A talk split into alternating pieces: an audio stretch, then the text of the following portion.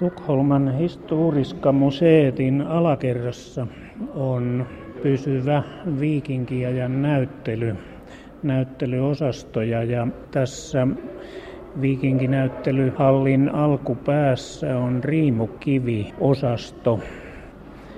Tässä on kokonaisia riimukiviä, tuollaisia kaksi metriä korkeita ja niissä kiertelevät riimukirjoitukset tekevät erilaisia kuvioita keskuskuvien ympärillä kivessä ja sitten tässä on seinällä riimukiviä, jotka ovat vain palasia suuremmista kivistä eri puolilta Ruotsia. Ruotsissa on enemmän kuin 2500 riimukiveä, joissa siis on riimukirjoitusta ja ne ovat 400-luvulta eteenpäin.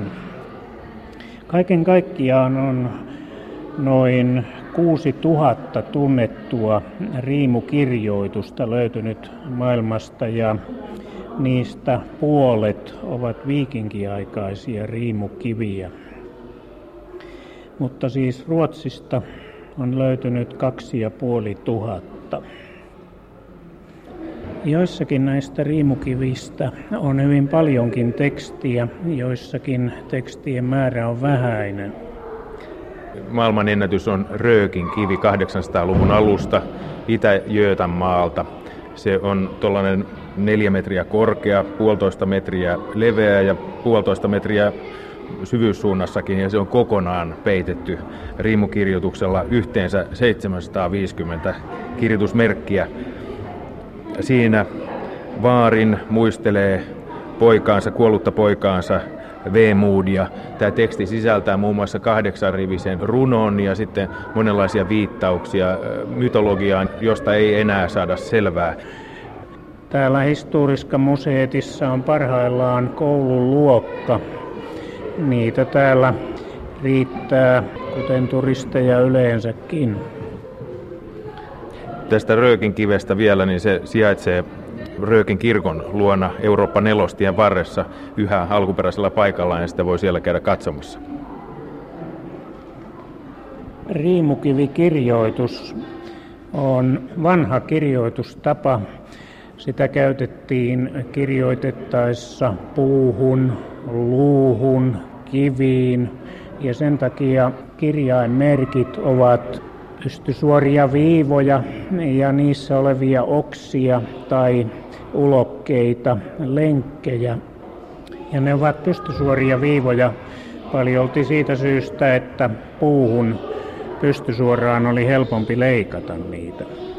Niin sitten kun kiveen niitä alettiin tehdä, niin leimallista on nämä vaakaviivat tekstin ylä- ja alapuolella, joista sitten muodostettiin myöskin kuvioita, mutta joskus on pelkkää ihan rivistöä rivin perään. Kivessähän ei, ei tätä puun syy-ongelmaa ollut. Lisäksi mielenkiintoinen äh, muistuma tuolta muinaisilta ajoilta on yksittäisen kirjoitusmerkin nimi, Bookstav, eli pyökkikeppi. Ja se paljastaa tänne, että, että tosiaan alkujaan puuhun näitä kirjoitettiin. Toinen tämmöinen syvä juuri tässä on nähtävissä siinä seikassa, että nämä kirjoitusmerkit näyttää periytyvän latinalaisesta ja etruskilaisesta kirjoituksesta. Kun vanhimmat Euroopasta tavatut kirjoitusmerkit, ruunikirjoitukset, riimukirjoitusmerkit on noin 150 jälkeen ajalaskun alun, niin siihen aikaan oli etruskikieli kuollut jo parin sadan vuoden ajan. Tämä saattaa viitata siihen, että, että joudutaan menemään siitä vanhimmasta säilyneestä merkistä vielä merkittävästi taaksepäin, että löydetään se alkusynty näille kirjoitusmerkeille. Eli siis Italiaan johtaa riimukirjoitusten alkuperä. Täällä Pohjoismaissakin on ollut kahta eri tyyppiä riimukivikirjoitusta. Vanhin ryhmä näitä käsittää ajan 300-luvulta 800-luvulle – eli noin kansainvaellusajan ja Vendel-ajan, siis ennen viikinkiaikaa. Ja näitä on löytynyt varsin vähän, puhutaan noin 60 riimukirjoitustekstistä joko esineissä tai sitten kivissä. Ja vanhinta tyyppiä ei ole säilynyt täällä Ruotsissa, mutta mm, ennen kaikkea Norjassa on näitä löytynyt. Norjassa, josta muuten niin vähän riimukirjoituksia tunnetaan. Tämä 24 riimuinen vanha kirjoitustapa oli siinä mielessäkin mielenkiintoinen, että se jakautui kolmeen kahdeksan riimun osaan. Ja, ja tämä kolmijakoisuus sitten toistuu läpi koko viikinkien ajattelutavan. Näitähän kirjoitusmerkkejä myöskin käytettiin erilaisina myyttisinä ja muina koodeina. Ja heitän tässä nyt tämmöisen villin ajatuksen, että kun esimerkiksi Grönlanti asutettiin kolmeen siirtokuntaan, Gotlanti oli jaettu kolmeen hallinnolliseen alueeseen, onpa laskettu tuolta Varsinais-Suomen saaristostakin varhaista ruotsalaisasutusta, että se olisi kolmeen jakautunut siten, että Korpo ja Nauvo kuuluu yhteen, Parainen on yksi yksikkö ja sitten Kemiön saari on yksi yksikkö. Lisäksi me tiedetään, kuinka viikingit perusti valtaansa Venäjälle kolmijakoisesti ja Helsingin, Sibbo ja Boria. Ehkä ei ole syytä jatkaa näitä esimerkkejä. Siis tämä kolmijakoisuus ja edelleen sen alla kahdeksanjakoisuus tuntuu olevan siis tämmöinen perusjuttu viikinki-yhteisöissä ja tämä kirjoitusmerkistö ikään kuin antaa sille tällaisen ymmärrettävän muodon. Tässähän on taustalla se, että Uudinilta nämä kirjoitusmerkit ymmärrettiin saadun. Se oli jumalallinen järjestys. Riimukirjoitusta sanotaan futark-kirjoitukseksi. Ja sitä siis on kahta lajia, vanhempi ja nuorempi. Ja nuorempi tyyppi on viikinkiaikainen riimukivikirjoitus, jossa on 16 merkkiä. Eli se väheni ja tulkinta myös sitä mukaan muuttui epävarmemmaksi, koska yksi merkki vastaa useampia kirjaimia. Jos näitä kirjaimia nyt kuvaisi, niin F-kirjain on vähän niin kuin pieni R, mutta siinä on kaksi vinoon menevää sakaraa ylöspäin. U-kirjain on niin kuin väärinpäin käännetty U, sakarat alaspäin. Sitten on kirjain yhdistelmä TH, se on suora viiva ja siinä pyöreä lenkki. A-kirjain, se on suora viiva ja kaksi vinoviivaa. R-kirjain on muuten, no se on ihan kuin iso R. K-kirjain on niin kuin pieni tekstaus R, yksi väkänen ylöspäin. On suora viiva ja siinä on vinoittain risti päällä. N on suora viiva ja yksi poikkiviiva. I on yhtä kuin pieni L eli suora viiva. A Toinen A-tyyppi, se on suora viiva ja siinä poikittain lyhyt vinoviiva. S on ikään kuin salaman kuva, semmoinen väkänen. T on suoraan nuoli ylöspäin. Se on Tuurin vasara. Jokainen näistä kirjaimista merkitsee paljon viikingeille. Sitten B-kirjain on iso B, se on ihan samanlainen kuin iso B, että siinä on B-lenkit on vaan terävät kolmiomaiset. M-kirjain on suora viiva ja siinä sellainen ylöspäin puolikaari. L on suora viiva ja väkänen alaspäin ja sitten vielä on R kuudentena toista merkkinä näissä uusissa riimuissa. Se on sama kuin M kuvio oli toisinpäin, eli viiva alas ja sitten suora viiva ja siinä sellainen puolikaarilenkki alas. Joku voisi sanoa, että siinä on harakan varpaat. Varmaan. Tämä luettelo oli siis äh, normaali riimukirjaimisto, 16 kirjaimisinen, joka jakautuu 655. Sekin siis jaetaan kolmeen systeemiin. Se ongelma, mikä tässä nyt on, että siirrytään 16 jakoseen kirjaimistoon, on siinä, että menetetään W, kaksi erilaista E, O, P, D, G ja N äänne. Ja kaikki nämä joudutaan nyt sitten jälkeenpäin kuvittelemaan sinne tekstiin. Ja tämä johtaa siihen, että se varsinainen riimuteksti on usein varsin toisen näköinen kuin, kuin mikä on sen tulkinta muinaisnorjaksi tai taanin kielellä. Niin näitä riimukirjoitustyylejä oli ikään kuin kaksi. Oli norjalais-ruotsalainen tyyli, jossa nämä kirjaimet ovat yksinkertaisempia ja sen vuoksi kauppiaat esimerkiksi varmaan käyttivät näitä tavaraluetteloissaan, kirjanpidoissaan ja niin edelleen. Ja sitten on Tanskassa käytetty kirjoitustapa, jossa nämä kirjaimet ovat vähän monimutkaisempia.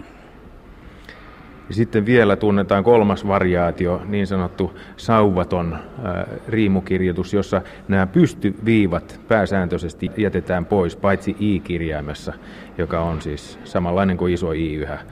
Siitä seuraa siis aikamoinen tämmöinen ikään kuin kirjoituskoneesta käyttäisi ainoastaan erilaisia heittomerkkejä ja pilkkuja. Sen näköistä tekstiä tulee siitä. Riimukivitekstejä oli siis hyvin paljon ja ne ovat kuitenkin vanhin tällainen kirjallinen lähde, etenkin täällä Ruotsissa. Paperille kirjoitettuja tai papyrukselle kirjoitettuja ei ole Ruotsista tältä ajalta säilynyt. Sitten Novgorodista tunnetaan kasapäin äh, tuohelle kirjoitettuja kirjeitä, rakkauskirjeitä ja muuta kirjeenvaihtoa. Se on aikamoinen äh, ikkuna muinaisaikaan. Mutta siis kaiken kaikkiaan riimukivet ovat tärkeä lähde ja sitten niissähän heijastuu myös kristillinen vaikutus näissä riimukivissä. Niin erityisesti justiin täällä Uplanissa ja Sveanmaalla, jossa tuntuu siltä, että puhkeaa tämmöinen riimukivivillitys tuhatluvulla ihan viikinkikauden lopulla. Ja onkin sanottu, että esikuvana näille kiville, jossa usein on iso risti keskellä ja teksti kiertää laidoilla, olisi Jellingen kivi tuolta Jyllannista Tanskasta, muistomerkkinä siitä, kun Tanska kääntyi kristin uskoon. Ja nyt seisomme täällä Jellingen museossa tuosta kirkkomaalla olevasta riimukivestä tehdyn kopion ääressä. Tämä kivihän on semmoinen kaksi ja puoli metriä korkea ja siinä on tasaisia sivuja. Näyttävin sivu on ehkä sellainen, jossa on kuvattuna Kristus valkoisissa vaatteissaan. Ja sitten tässä kivessä on myös värit Keltainen väri on kutakuinkin okran väristä ja osa näistä kuvioista on sitten ruskean punaista. Tuosta alkuperäisestä kivistä värit ovat lähteneet toki aikojen myötä pois. Ja sitten kuvan tausta on vielä tumman sininen. Eli aika paljon tämä muistuttaa Ruotsin lipun väritystä, kultaa ja sinistä, jotka on siis vanhat Uudinin värit. Ja Jeesus on siinä valkoisissa vaatteissa, valkokristus, kuten tuolloin sanottiin. Tämä on Skandinavian taiteen ensimmäinen Kristuksen kuva. Sitten tässä on riimukivitekstiä Jeesuksen kuvan alla. Tämän kiven joka sivua kiertää riimukivitekstit. Haraltr kunnukr bad kaurua kubl, thausi aft kurm fathur sin auk aft. Näin alkaa tämä kiven teksti. Eli Harald kuningas määräsi tehtäväksi muistomerkin tämän, jälkeen Gormin isänsä ja jälkeen Tyyren äitinsä. Ja sitten tässä alkaa jo allekirjoituskin se Harald, joka voitti Tanskan itselleen. Ja kun kävelemme sitten eteenpäin, tullaan kiven toiselle sivulle. Siinä todettiin siis, että hän oli Tanskan yhdistäjä. Ja sitten on toinen sivu, siinä on kuvattuna leijona, jonka ympärillä sitten on ikään kuin käärme. Ja leijonan alla lukee kokonaan myös Norjan oli voittanut Tanskan ja kokonaan Norjan. Ja sitten tullaan vielä Riimukiven kolmannelle sivulle. Niin tästä me aloitettiin tarkastelu tässä. Jeesus kädet levällään toivottaa tervetulleeksi ja sen alla lukee, ja tanskalaisista teki kristittyjä. Tässä oikeastaan on sanottu siis Harald Sinihampaan merkitys. Hän oli Tanskan yhdistäjä, ja laski valtansa alle myös Norjan ja todella teki tanskalaisista kristittyjä. Tätä on kutsuttu hyvästä syystä Tanskan syntymätodistukseksi. Tiedetään, että jotkut mestarit laati ainakin 80 kiveä ja täältä tunnetaan siis ihan tällaisia tehtaita, joissa näitä tuotettiin. Tekstit ovat yleensä aika lyhyitä. Esimerkiksi tällainen on Vestra Strön kivestä Skoonesta. Tällainen teksti Fader antoi hakata nämä riimut veljensä Assurin muistoksi, joka kohtasi kuoleman pohjoisessa viikinkiretkellä. Mm, Veppebyn kivi Uplannista sanoo, että mies, joka ei kitsastellut ruuasta ja oli kaunopuheinen, kelpo talonpoika. Siinä siis on riimutekstin lopussa luonnehdinta. Mervallan kivi Södermanlannista sanoo, että hän purjehti usein Semgalleniin kalliilla knarrillaan, eli kauppalaivallaan. Se tarkoittaa Domesin niemen ympäri. Ne kertovat jostain tapahtumasta, useimmiten kuolemasta, jonka joku jonkun toisen muistoksi on sellaisen riimutekstin kiveen rustannut. Isä pojalleen, äiti pojalleen. Niin, näissä tapauksissa, joissa siis kuvataan jonkun menehtyneen ja mainitaan, että missä, Särklannissa jossain no, Lähi-idässä tai Kreikassa tai, tai Islannissa, Englannissa ympäri maan piiriä, niin tuntuu olevan se merkitys, että pohditaan sitä, että kenelle joutuu tämän kuolleen miehen omaisuus. Ja kiven pystyttäjä ikään kuin ilmoittaa perivänsä tämän kuolleen ihmisen omaisuuden. Siis tämmöinen saattaa olla tässä motiivina. Toisenlaisia tekstejä tunnetaan se sitten tien rakennuksen ja sillan rakennuksen yhteydessä. Eli, eli sellaiset rikkaat, vauraat, jotka pysty tällaisiin tekoihin, niin myöskin halusi sitten, että jälkipolvet sen muistaa.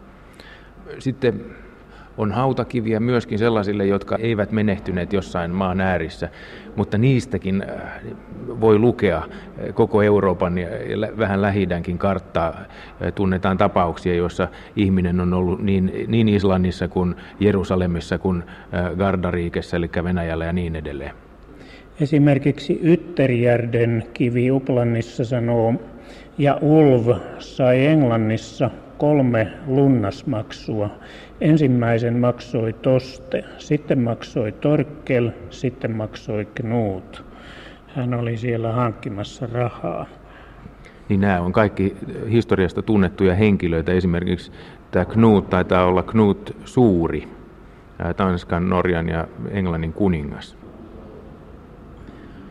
Belstan käräjäpaikalta Uplannista täältä läheltä löytyy tällainenkin äh, riimukiviteksti kuin, että Ulvkel ja Arnkel ja Gyye tekivät tänne käräjäpaikan.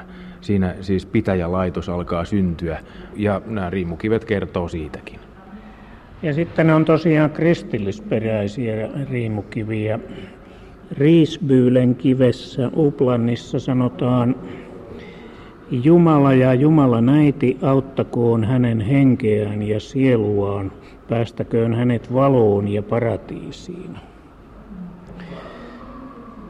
Riimukirjoitus se jatkui sitten kauan edelleen myöhemmin viikinkiajan jälkeen. Riimukirjoitusta äh, käytettiin yleisesti Ruotsissa 1400-luvulle saakka, mutta syrjäisemmissä paikoissa, niin kuin Taalainmaalla, kerrotaan, että 1800-luvulle se olisi ollut aktiivikäytössä, mutta tavataan äh, pieninä otoksina aina 1900-luvulle saakka siellä. Suomestahan nämä riimukirjoitukset on tuttuja esimerkiksi kalenterisauvoista, jotka on tällaisia päättymättömiä ikuisia kalentereita, nerokkaita keksintöjä sinänsä. Ja yksi asia vielä tulee mieleen Suomeen liittyen, nimittäin Uplannin riimukivistä voidaan lukea myöskin Finlandista, Kirjalalantista ja Kveenlantista, jotka suomalaiset tutkijat ymmärtää tarkoittavan Suomea. Niin nämä nimet niissä mainitaan.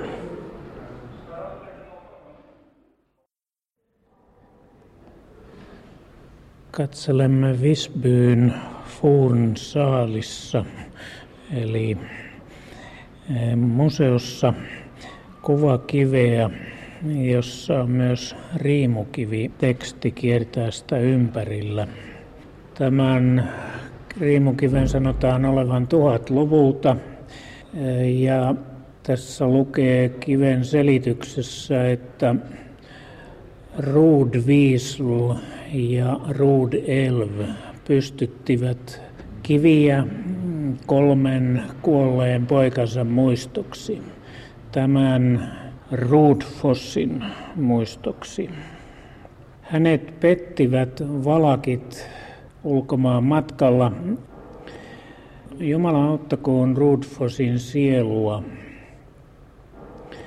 Jumala pettää ne, jotka pettävät hänet.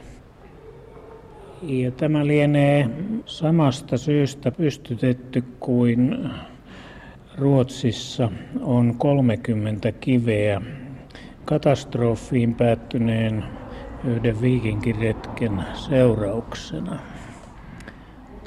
Joo, tämä eräs viimeisistä, ellei viimeinen, ruotsalaisten viikinkien järjestämä suurimittainen viikinkiretki kohdistui Särklantiin, eli Sharkiaan, arabiaksi tarkoittaa Itämaata, jonnekin Kaspianmeren etelärannoille.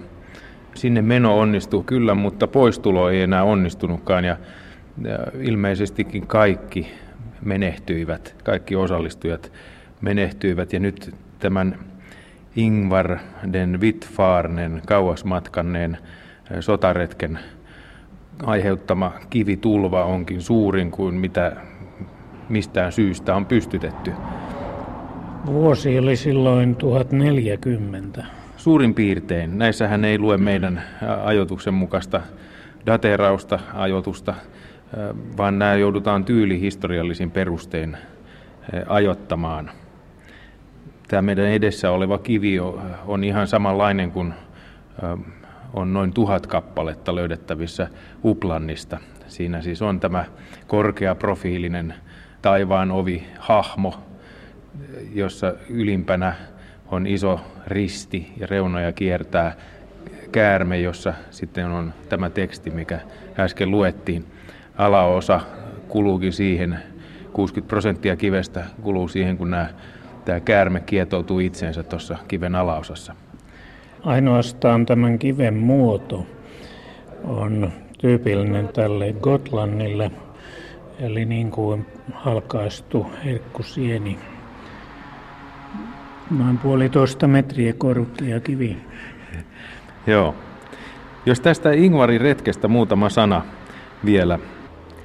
30 muistokiveä, jotka muistuttavat tästä matkasta, on pystytetty ympäri Meilardalenin, Meilarin laakson aluetta. Ja tässä on erään niistä teksti sieltä Ruotsin maalta. Tämä on Uplannista Svinnegarn nimisestä paikasta.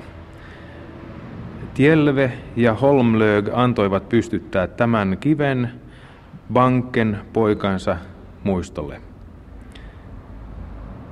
Hän omisti yksinään laivansa ja ohjasi itään Ingvarin sotajoukossa. Sitten teksti katkeaa. Siinä oli suuret taloudelliset panostukset laitettu tähän sotaretkeen ja mitään ei tullut tulokseksi. Tästä matkasta, samasta matkasta kerrotaan Ingvarden Wittfarnen saagassa, joka kirjoitettiin ylös Islannissa parista vuotta itse onnettoman matkan jälkeen. Ja sen takia siitä on muutoinkin niin paljon tietoa. Saagan luonne on tämmöinen seikkailutarina ja se sisältää vain harvoja historiallisia yksityiskohtia. Mutta on mahdollista, että sen ydin on, on tosi. Mutta ehkä tähän ei ole tämän enempää tarpeen mennä. Ei. Tässä edessä olevassa kivessä, joka on Rudfos nuorukaisen muistolle pystytetty, niin, tai oliko hän nuorukainen, sitä ei tiedetä oletettavasti kuitenkin, niin siinä ei mainita mitään paikkaa. Ainoa viite on puhutaan valakeista. Ja mm, mitään muuta nämä kiven pystyttäjätkään eivät ole asiasta voineet tietää. Niin Valakia on tuolla Mustanmeren länsipuolella. Siellä oli toinenkin viikinki retki menossa samaan aikaan 1043. Harald Ankaran appiukko, se siellä hyökkäsi Konstantinopolia vastaan. Itse retki onnistui oikein hyvin, mutta sitten, sitten pois tullessa pääosa tästä viikinkijoukosta tuhottiin. Voi olla niin, että tässä onkin selitys sille, minne oikeastaan Ingvarin porukat katos. Ne liittyi siihen toiseen sotajoukkoon ja sitten sekin tuhoutui, jos jotakin Ingvarin retkestä oli jäänyt jäljelle. Tämä Harald Ankaran appiukko ehkä ansaitsee muutaman sanan. Eli Jaroslav Viisas, Kiovan suuriruhtinas. Hän oli mennyt naimisiin Olavi Sylikuninkaan, niin kuin se suomeksi sanotaan, mutta verokuningasta se tarkoittaa Sjötkonung. Skatkonung siis alun perin. Ruotsin ensimmäinen rahoja lyönyt kuningas. Sen jälkeen äh, verojen kanto kävi sukkelaan. Niin Olavi äh, Sylikuningas oli tyttärensä antanut Jaroslav Viisaalle vaimoksi ja äh, Jaroslav ja tämä Ingegerd saivat sitten muun muassa tyttären Elisabetin, josta sitten tuli Harald Ankaran vaimo. Elisabetin siskot naitettiin Ranskan kuningattareksi, Unkarin kuningattareksi ja sitten hänen neljä veljeään nai myöskin kansainvälisesti Euroopasta. Tämä on hyvin mielenkiintoinen ajankohta tässä 1040-luvulla. Tämä samainen Jaroslav Viisas loi Venäjälle kiinteän valtiorakenteen ja hän myöskin tuhosi pahimmat viholliset Petsenegit Kaspianmeren suunnalla, antoi lain maalle ja levitti kristillisyyttä ja rakensi paljon kirkkoja. Tässä on mielenkiintoinen detalji täältä Gotlannista. Täällä on myöskin ortodoksisen kirkon taidetta. Osa täkäläisistä kirkoista on aivan kuin näiden venäläisten munkkien rakentamia.